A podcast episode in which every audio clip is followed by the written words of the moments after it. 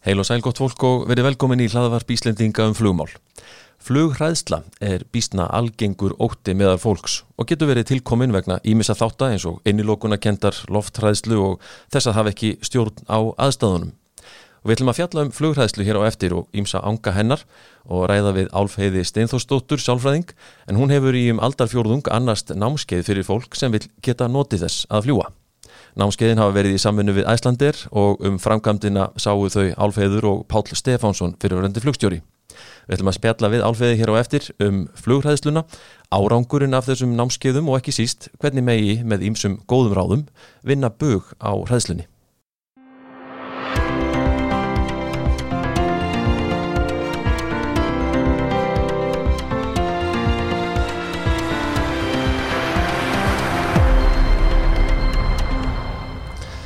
Já, hún er komin í flugvarpi til okkar Álfeiður Steinþórsdóttir, sálfræðingur, verður velkomin í þáttinn. Takk. Svona til að byrja með, uh, kannski segir okkur aðeins frá svona þínum bakgrunni og svona hvernig það kemur til að þú byrjar í þessu samstarfi við, við Pál og, og Æslandir um að halda námskeið fyrir fólk sem vil vinna bög á flugræslu. Já, uh, Æslandir eða flugleðir eins og hitt þá hafði samband við mig um þetta mm. Og hafði áhuga á að setja upp námskeið og, og, og þá fannst mér bara áhugavert og gott mál því ég, ég var búin að læra það að bæða sjálfur mér og eins, eins uh, bara í fæinu að hafa ég séð það hvernig er hægt að takast á við alls konar fóbjur og óta og, og ná mjög góðum árangri þannig að ég hugsaði með mér að þetta er eitthvað sem ég til ég að prófa. Ertu þá í, svona þinni mentun eitthvað búin að sérhæfa þig í í þessu svona kvíða tengdum málum og svo leiðis? Já, ég, ég hef unni mikið með í gegnum árum, ég, ég hef rekið með öðru sálfræðingi sálfræðistöðina sem er, er enga stofa sem að, að fólk getur leita til ef það er með kvíða eða, mm. eða alls konar vandamál og, og svo hef ég sérhægt með þar að auki í hugrætni atfellsmeðferð sem að er alveg sérlega góð leið til þess að takast á við mm. fælni af ymsu tægi og kvíða. Eða skil. E, og þú kemur inn í þetta hvað, 1997 fyrst Já. og hérna það er hansi margir sem eru búin að fara í gegnum þá þessi námskeið hjá okkur svona í gegnum tíðina. Já, heldur betur. Það er, það er mikil fjöld af fólki sem hefur farið gegnum þetta og, og það er mjög gaman fyrir okkur palla sem erum, er, fyrir nú mikið og ferðust mikið að það er alltaf að dukka upp eitthvað á flugvöldum og í flugvöldum fólk sem hefur verið á námskeiðunum og er búið að auðlast þetta frelsi eins og það segir að geta flóið óttalust og notið þess. Já. Það er mjög skemmtilegt. Hafið þið náðu að halda þetta öll árin eh, svona alveg frá 97 eða? Við það var nú ekki hægt í COVID-inu, þá vorum við e, grándu, það fór ekki vel í loftið, mm -hmm. en einu sinni áður á þessu tíma þá urðum við að fella niður eitt, eitt metur því að það, þegar ára sem var að gera á týperoturnana þá var engin í stemningu til að fara og vinna á flughræslinu, fannst fólki það gerðna að vera full ástæði til þess að forðast flug. Einmitt. Það er smá tíma þar á eftir. Smá tíma þar á eftir, en árið eftir þá fór allt á staðast. Og þið hafi sko verið með þessi námski svona cirka uh, fjóru sinum á ári eitthvað slíkt og, og, og kannski 10-15 manns í hvert sinn eða hvað? Já, mm -hmm. já. já. Við verum með það og, og uh, já, oft uh, svona fjögur á ári og ef það er fjóru sinum 15 þá já. er, sest, er kannski 60 manns á ári. Já sem við hefum tekið gegnum þetta Já, þannig að eftir áni tölur verið fjöldi Já, það eh, eins og þú nefndir sko að þið hittið oft fólk kannski á förnum vegi sem, a, sem, a, sem er þakklátt en, en, en hefur þú mælt árangurinn af þessum um ná, námskeiðum? Já, ég komst í samstarf við, við hollenska eh, sálfræðingar sem er að vinna með flugræðslu og við reyndar hitt á, á tveimur alþjóðlegum ráðstöfnum um flugræðslu þar sem við hefum kynnt okkar program og, og það, þær, þeir eru með lista þar sem þeir mæla annars vegar hvaða aðstæðar í flugi fólk er hægt við og hins vegar hvað er mikil styrkur á hræðslu viðbröðunum og ég hef þýtt þess að tvo lista og nota þá. Og fólki er mælt í upphafi hvað, hvað er að trubla það upphafi og síðan mælum við í rauninni hvert skipti sem við hittust þessi fjögur skipti og á leiðinu út, að við fljúum síðan út til að re láta reyna á getuna til að þóla flýið, á leiðinu út og leiðinu heim. Síðan sendi ég fólki eftir sex mánuði aftur listana og byggða um að fylla í og svara eins og spurningu. Þannig að ég, ég hef svona frekar gott yfirlit yfir það hvernig þetta gengur. Já, og, og, og, og þarna hefur þið séð að, að það er svona mælanlegur árangur að þessu? Já, já, já, já, það er árangur, það er, er örugur árangur eins og þið mælaða í vísindunum og hann er, er, er verulega góður en líka það að, að það eru svona yfir 80% sem að segja að þetta hafi breytt miklu fyrir það, að þeir hafa farið að fljúa og það hafi gengið vel, þannig að þetta, við getum ekki hvort að enda nárangri. Það kom mjög vel út úr þessu erlendu ráðstöfnum íslenska prógrami. Og hvað, sko þú nefndir um þetta, þetta er misjátt hvenar, hvenar og í hvað fasa fólk er rætt og hversu mikið, hva, hvað er það helst svona sem að, sem að þetta er að koma fram? Já, það er, það er mismunandi þessi hræðslu prófíl hjá einstaklingum. Sumir eru mest hrættir fyrir flugið. Þeir sjá alla meinbögjaði að fara í flug, þeir eru með ímyndir um allt hræðilt sem getur komið fyrir, hvað getur komið fyrir og, og en svo þeir eru komnir á loft, ef þeir láta sig hafa það, að þá ferðum að líða skár og miklu betur og þeir eru undtabili að fara að lenda í ykkur staðar erlendis að þá eru þið bara nokkuð góðir. Já. Svo eru aðri sem að eru mjög hrættu við ykkur tiltekinn atriði eins og flúttakið eða lendinguna sem eru hrættir allan tíman og flestir eru hrættir eða verður einhver ókýrð, einhver hreyfing á vélni. Þannig að þá fer ímyndunaraflega á stað og kvíði og öryggi og losar upp. Þetta, þetta lítur að snúast voðalega mikið um að stjórna eigin hugsunum daldi. Já og fólk gerir það gerðan ekki. Heldur, heldur er það með svona sterka kvíða, kvíða tilfinningu og, og segðan ræður ítla við þegar kemur og það hefur oft mikla vantrú á því að það komi til með að geta náð tökum. Mm. Það er mjög sláandi í fyrstu tímanum að fólk bara það vil gjárna losna við þetta en það heldur að það verði mjög erfitt. En við kennum, í fyrsta lagi kennum við fólki að ráða við kvíða, hvernig það geti markvist tekið á kvíða, lærta bæði öndun að tala sjálft sér til með alveg ákveðnum upplýsingum. Það fær upplýsingar um veður, um flugvelna, um ókýrt, allt sem að trubla fólk færða ákveðna upplýsingar um. Mm. Þannig að það næst þegar það fær svona hræðslu þá getur það svarað svolítið í huganum. Það er þetta sem er að gerast. Ég veit hvað er að gerast núna. Og þetta, það þjálfast í því að vita út af hvað flugveling bara gengur, mm -hmm. út af hvað ferðin gengur og hvað veðrið gerir og gerir ekki. Þannig að það fær miklar upplýsingar, það fær leiðir til að takast beint á við kvíða og það fær að læra á hugsanamynstri sitt.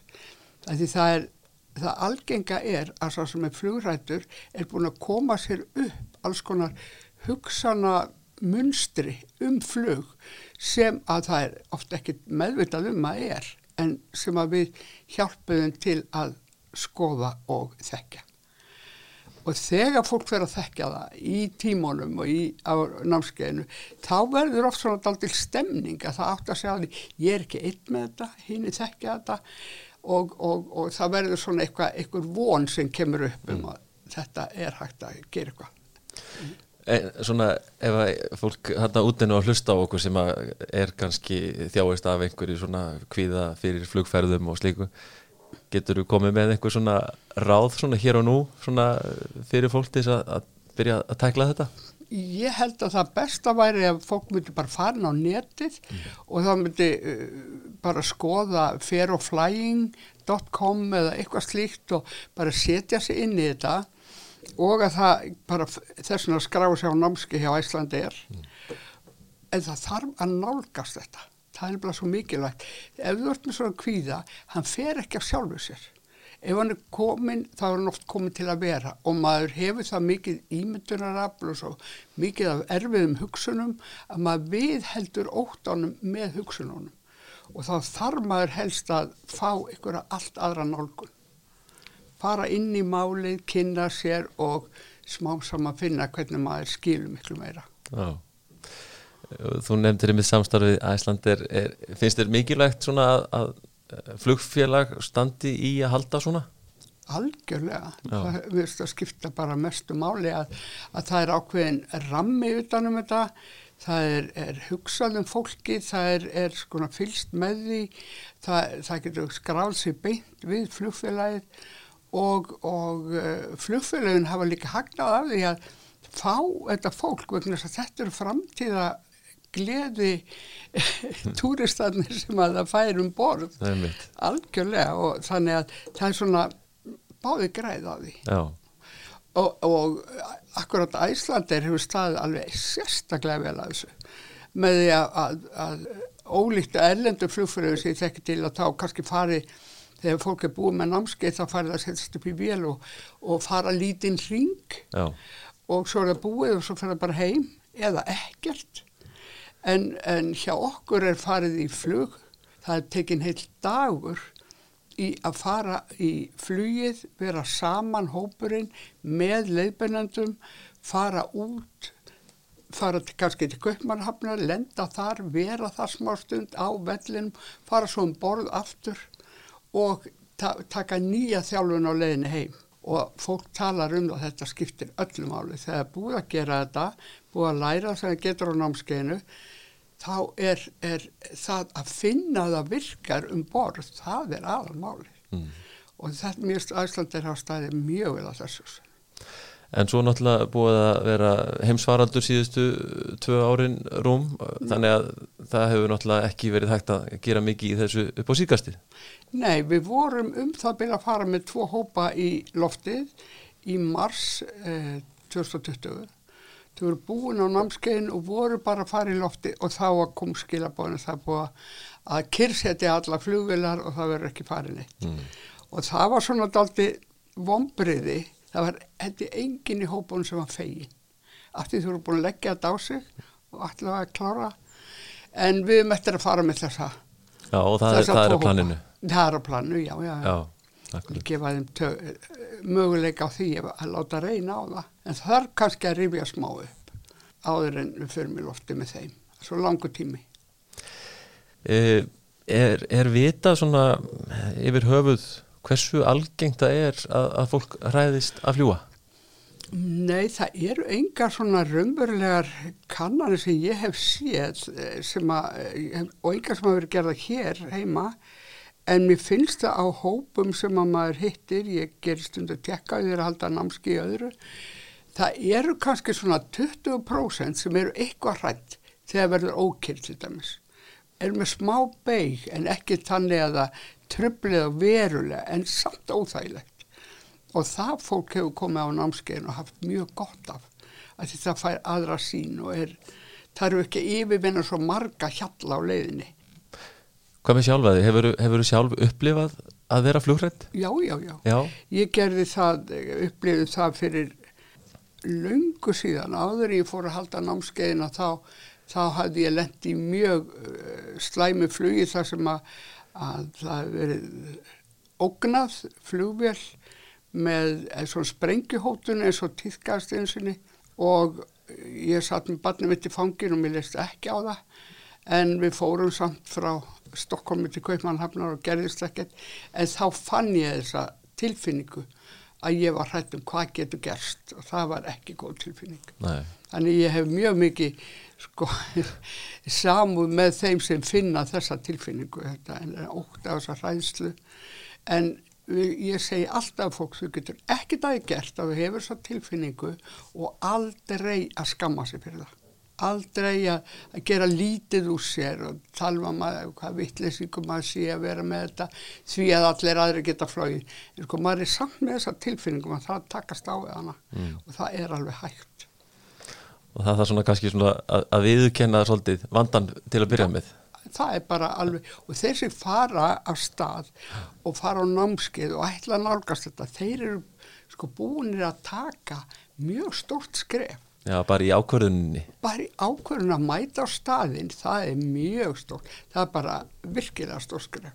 Mm. Vegna þess að allir hinnir sem kom ekki, að þeir eru enþá að velta þessu fyrir sér mm. og get ekki alveg tekið á skarið.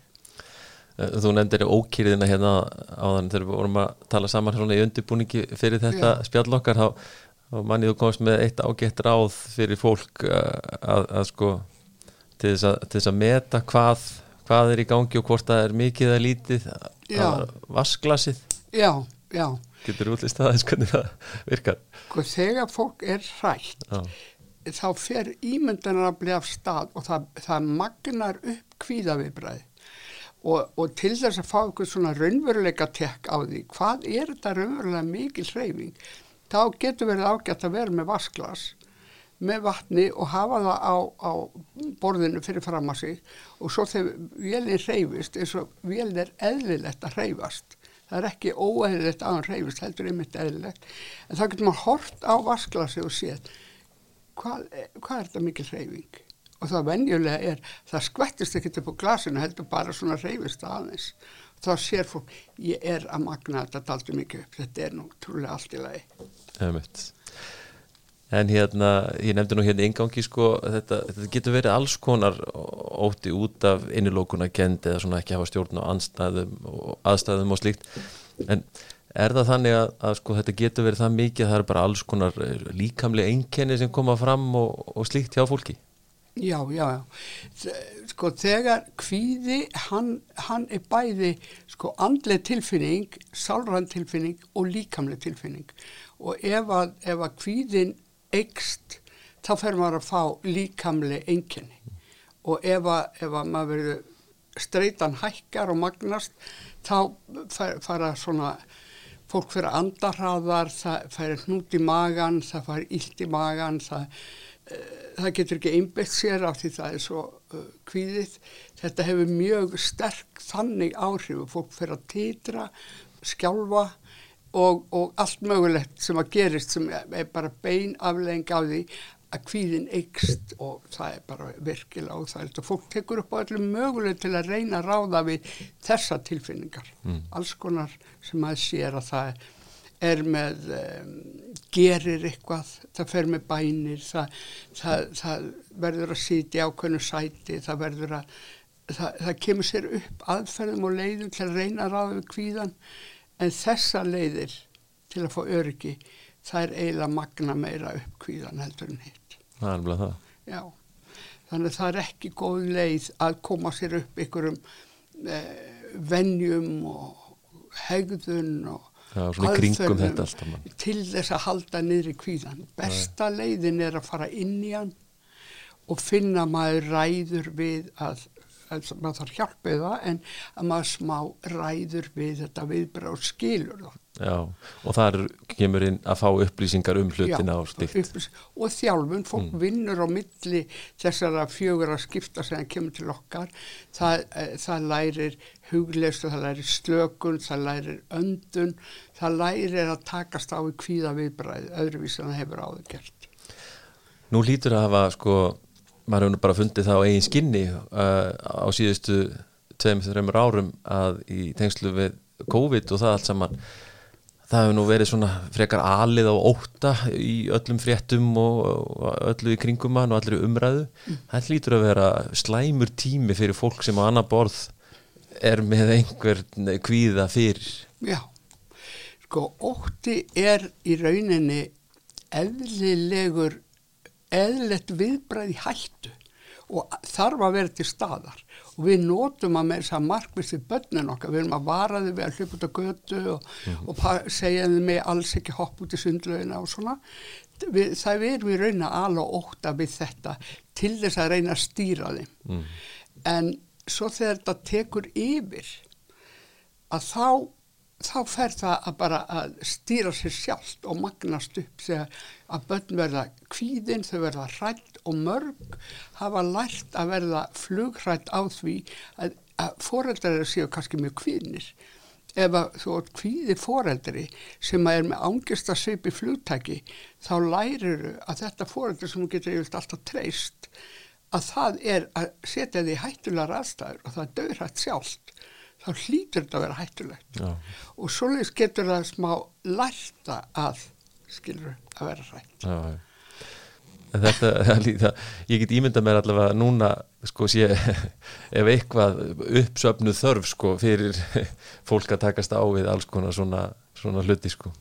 Já, núna þegar COVID er búið að þá, eða, eða virðist vera búið að þá eru fólk bara býð eftir að komast í ferðalög og fá að slaka og þá verður þörfin fyrir að fara fljúa burt, hún er mjög mikil og þarna getur orðið ákveðin ágreiningur til dæmis í fjölskyldum ef það er einhver einn sem vil ekki fara og henni vilja og byrja að þrýsta á að þá er, er þetta ekki einmitt. Þannig að En það er hérna, uh, það er örglega aldrei vond að það líði sko líka langt á milli ferða ef einhver kvíð er til staðar sko, þetta er svona, svona ákveðnuleiti eins og þú er búin að koma inn á svolítið þjálfun já, að koma sér í gýrin. Já, nákvæmlega. Og við segjum það við fólk að, að það besta sem þið gerir sjálfum ykkur það er það að fara strax á stað. Já, og, og, stundu þá heyrir maður að fólk sem er að fara með ykkur útskriftafærina það er kannski búið að panta ykkur að ferðir að því nú ætlar það ekki að glutra svo niður. Nei, já, og það er þjálfuna á latrið sko. Og það er að halda áfram og finna að maður ræðu við það. Þú nefndir hérna áðan hérna aðeins með sko rútínu sem fólk kemur sér upp og uh, ég þekki nú alveg nokkra svona sem að í kringum mig sem að hafa nú jafnvel bara uh, og þeirra kannski rútína er, er að leita bara eftir einhverju ró í, í, í botna á einhverju glasi áður en að fara þeirra stað sko það er kannski algengara en ella að, að fólk svona leiti í það til þess að róa taugarnar Já. En það er kannski ekki endilega gott ráð sko Nei, það er ekki gott ráð. Það er í rauninni heldur ekki gott ráð að taka róandi. Nei. Vegna þess að þó að það geti dempaði akkurat í þessu flugi, þá ertu jafn hrættu næstu ferð og næst og næst. Þannig að þú get, þarft að taka þá uh, pillur alltaf. Og það eru margir sem koma á námskeið sem eru vanir því að livja sig upp áður en það fara í ferð. Og núna í ferðinu með okkur þá leggjum við áherslu á að það er ekki það sem við gerum. Við þurfum að finna að þið eru að gera þetta sjálf af því þið eru búin að læra hvernig ætlaði að gera og þið eru að, að, að prófa það í útskriftarfluginu hvernig það virkar. Ef það eru búin að taka pillu, er það þá pillun að þakka að það gekk vel. það er mitt Þess vegna er það svo mikilvægt að gera það ekki. En það er bæði pillur, það er, það er áfengi og svo sér maður stundu þessar sem eru hrættir en get ekki tala um það, þeir eru reyðu farþegarnir sem eru, hafa alltaf á hornum sér og er að, er að gaggrina vélina og segja hvað er þetta og akkur virka þetta ekki og, og er í raunin hrættir. Já, já, Se, og þetta kemur fram svona sem einhver frontur bara, Já, og flugfrið þekki þetta mjög vel. já, að, að hérna, reyðu farþegarnir sem að eru að pyrra sig yfir einhverju smámunum og svona. smámunum. Já, já, algjörum. Já, það er merkilegt, þetta, hefur, þetta hefur ímsar byrtingamindir. Já, já. Og konur hafa verið opnari gagvart til að koma á námskeið og bara e, það er eins og konur samþykki meira að já, ég er bara hrætt og ég, þetta er ómulegt og meðan að margir kallmenn að þeir, þeim fyrst mingun að því að vera hrættir, það er náttúrulega þessi kallmannsýmynd sem að þeir eru að burðast með, að, að þeir eigi ekki að vera hrættir og ef þeir eru hrættir þá ætla þeir bara að koma ykkur aðra ástæðu eða, eða allt það. Já, Svoleiðis að, að, að það er alltaf meiri hlut af konum en það hefur smá breyst samt. Stundum er þetta að vera meira 50-50, Já. þess mér í gegnum árin. Er, er, hefur séð mikið eh, svona mikla breytingu, ef, veistu til þess að, að það sé mikið breyting þegar að til dæmis, að þú nefndir nú með, með börnin sko, er, þegar fólk eignast börn, að þá komi svona magnist kannski upp þessi svona, má kalla lífræðslu. Já, já, það er góð punktur því að það kemur oft fram Já, á námskeiðum og sérstaklega fólk með unga börn, mjög lítil börn, að þá finnst fólki gjarnan erfitt að fara frá þeim og það er svona meira kannski, segja, aðskilnaða kvíði heldur en kannski flughræðsla stundum. En það er allavega flugræsla og aðskilnaða kvíð og þá er þetta aldrei mikil kvíði Já, það það er alveg rétt, það kemur oft upp þá Já, já. En þetta, svona, þetta kemur allt uh, svona á, á þennan punkt aftur að, að, að svona fólk þarf að vera upplýst og svona til þess að minka þessi, þessi einkenni og svona og, og kunna svolítið að tækla, tækla sjálfa sig. Já, það er að vera upplýst um í hvað aðstæðan það er, hvernig það virka, þá þarf að vera upplýst um hvernig það hugsar, hvað hugsanarbröyti fara í gang og læra að þekkja það með sig og svo hvernig það að takast á við kvíða og svo þarf að þjálfa þetta á milli skipta og í ferðinni. Nákvæmlega. Hvað viltu segja við fólk sem er, er nú það núti og kannski er, mögulega eh, sjálft kvíðið eða veit um einhvern í kringu sig eh, þú veist, hvað, ertu með eitthvað skilabóð til þeirra? Já, bara helst á kvartning til þeirra sem að eru búin að þjást af þessu að það er bara sorglegt að fólk sé að þjást af þessu árum saman og, og af því það er hægt að, svo vel hægt að takast á þetta. Það er til góða leiði sem að hafa sínt sig að virka og það er synd að búa við svona óta. Það er bara alveg synd. Og við búum nú hér á eigu þannig að það er, það er, þú nefndir á það, það er ákveðið frelsi í því að geta nú farið þegar maður langar til að fara. Já, mm. það kemur gjörna fram þegar maður er að ræða við fólk af hverju ert að koma á þetta núna og þá segir fólk oft, mér langar svo að verða frjáls, mér langar svo að finna að ég geti ákveðið sjálf hvert ég vil fara og hvenar og það er sterklungun. Allir sem koma svo námskeið eru virkilega vilja að losna við þetta, þeir vita bara ekki hvernig og það er okkar hlutverk. Er ekki ágætt að enda þetta á þessum nótum svona með kvartningu til fólks það nóti um að, um að reyna að gera eitthvað í sínum málum eða áþarf að halda? Jú, endilega gera eitthvað í sínum málum og fólk er miklu öflura en það oft heldur. Og uh, það má benda á það líka að ætlum hérna svona í framhaldi í næsta þætti að, að ræða við Pál Stefánsson sem að fyrirhundir flugstjóra sem að hefur nú unnið með þér að þessum námskiðum þannig að Álfheður takk kærlega fyrir komuna í flugvarpið og, og svona fræð okkur aðeins um þetta. Takk. Og munið gott fólk að flugið er örgasti og besti ferðamáttinn og segjum þetta gott í bili. Þar til næst, góða stundir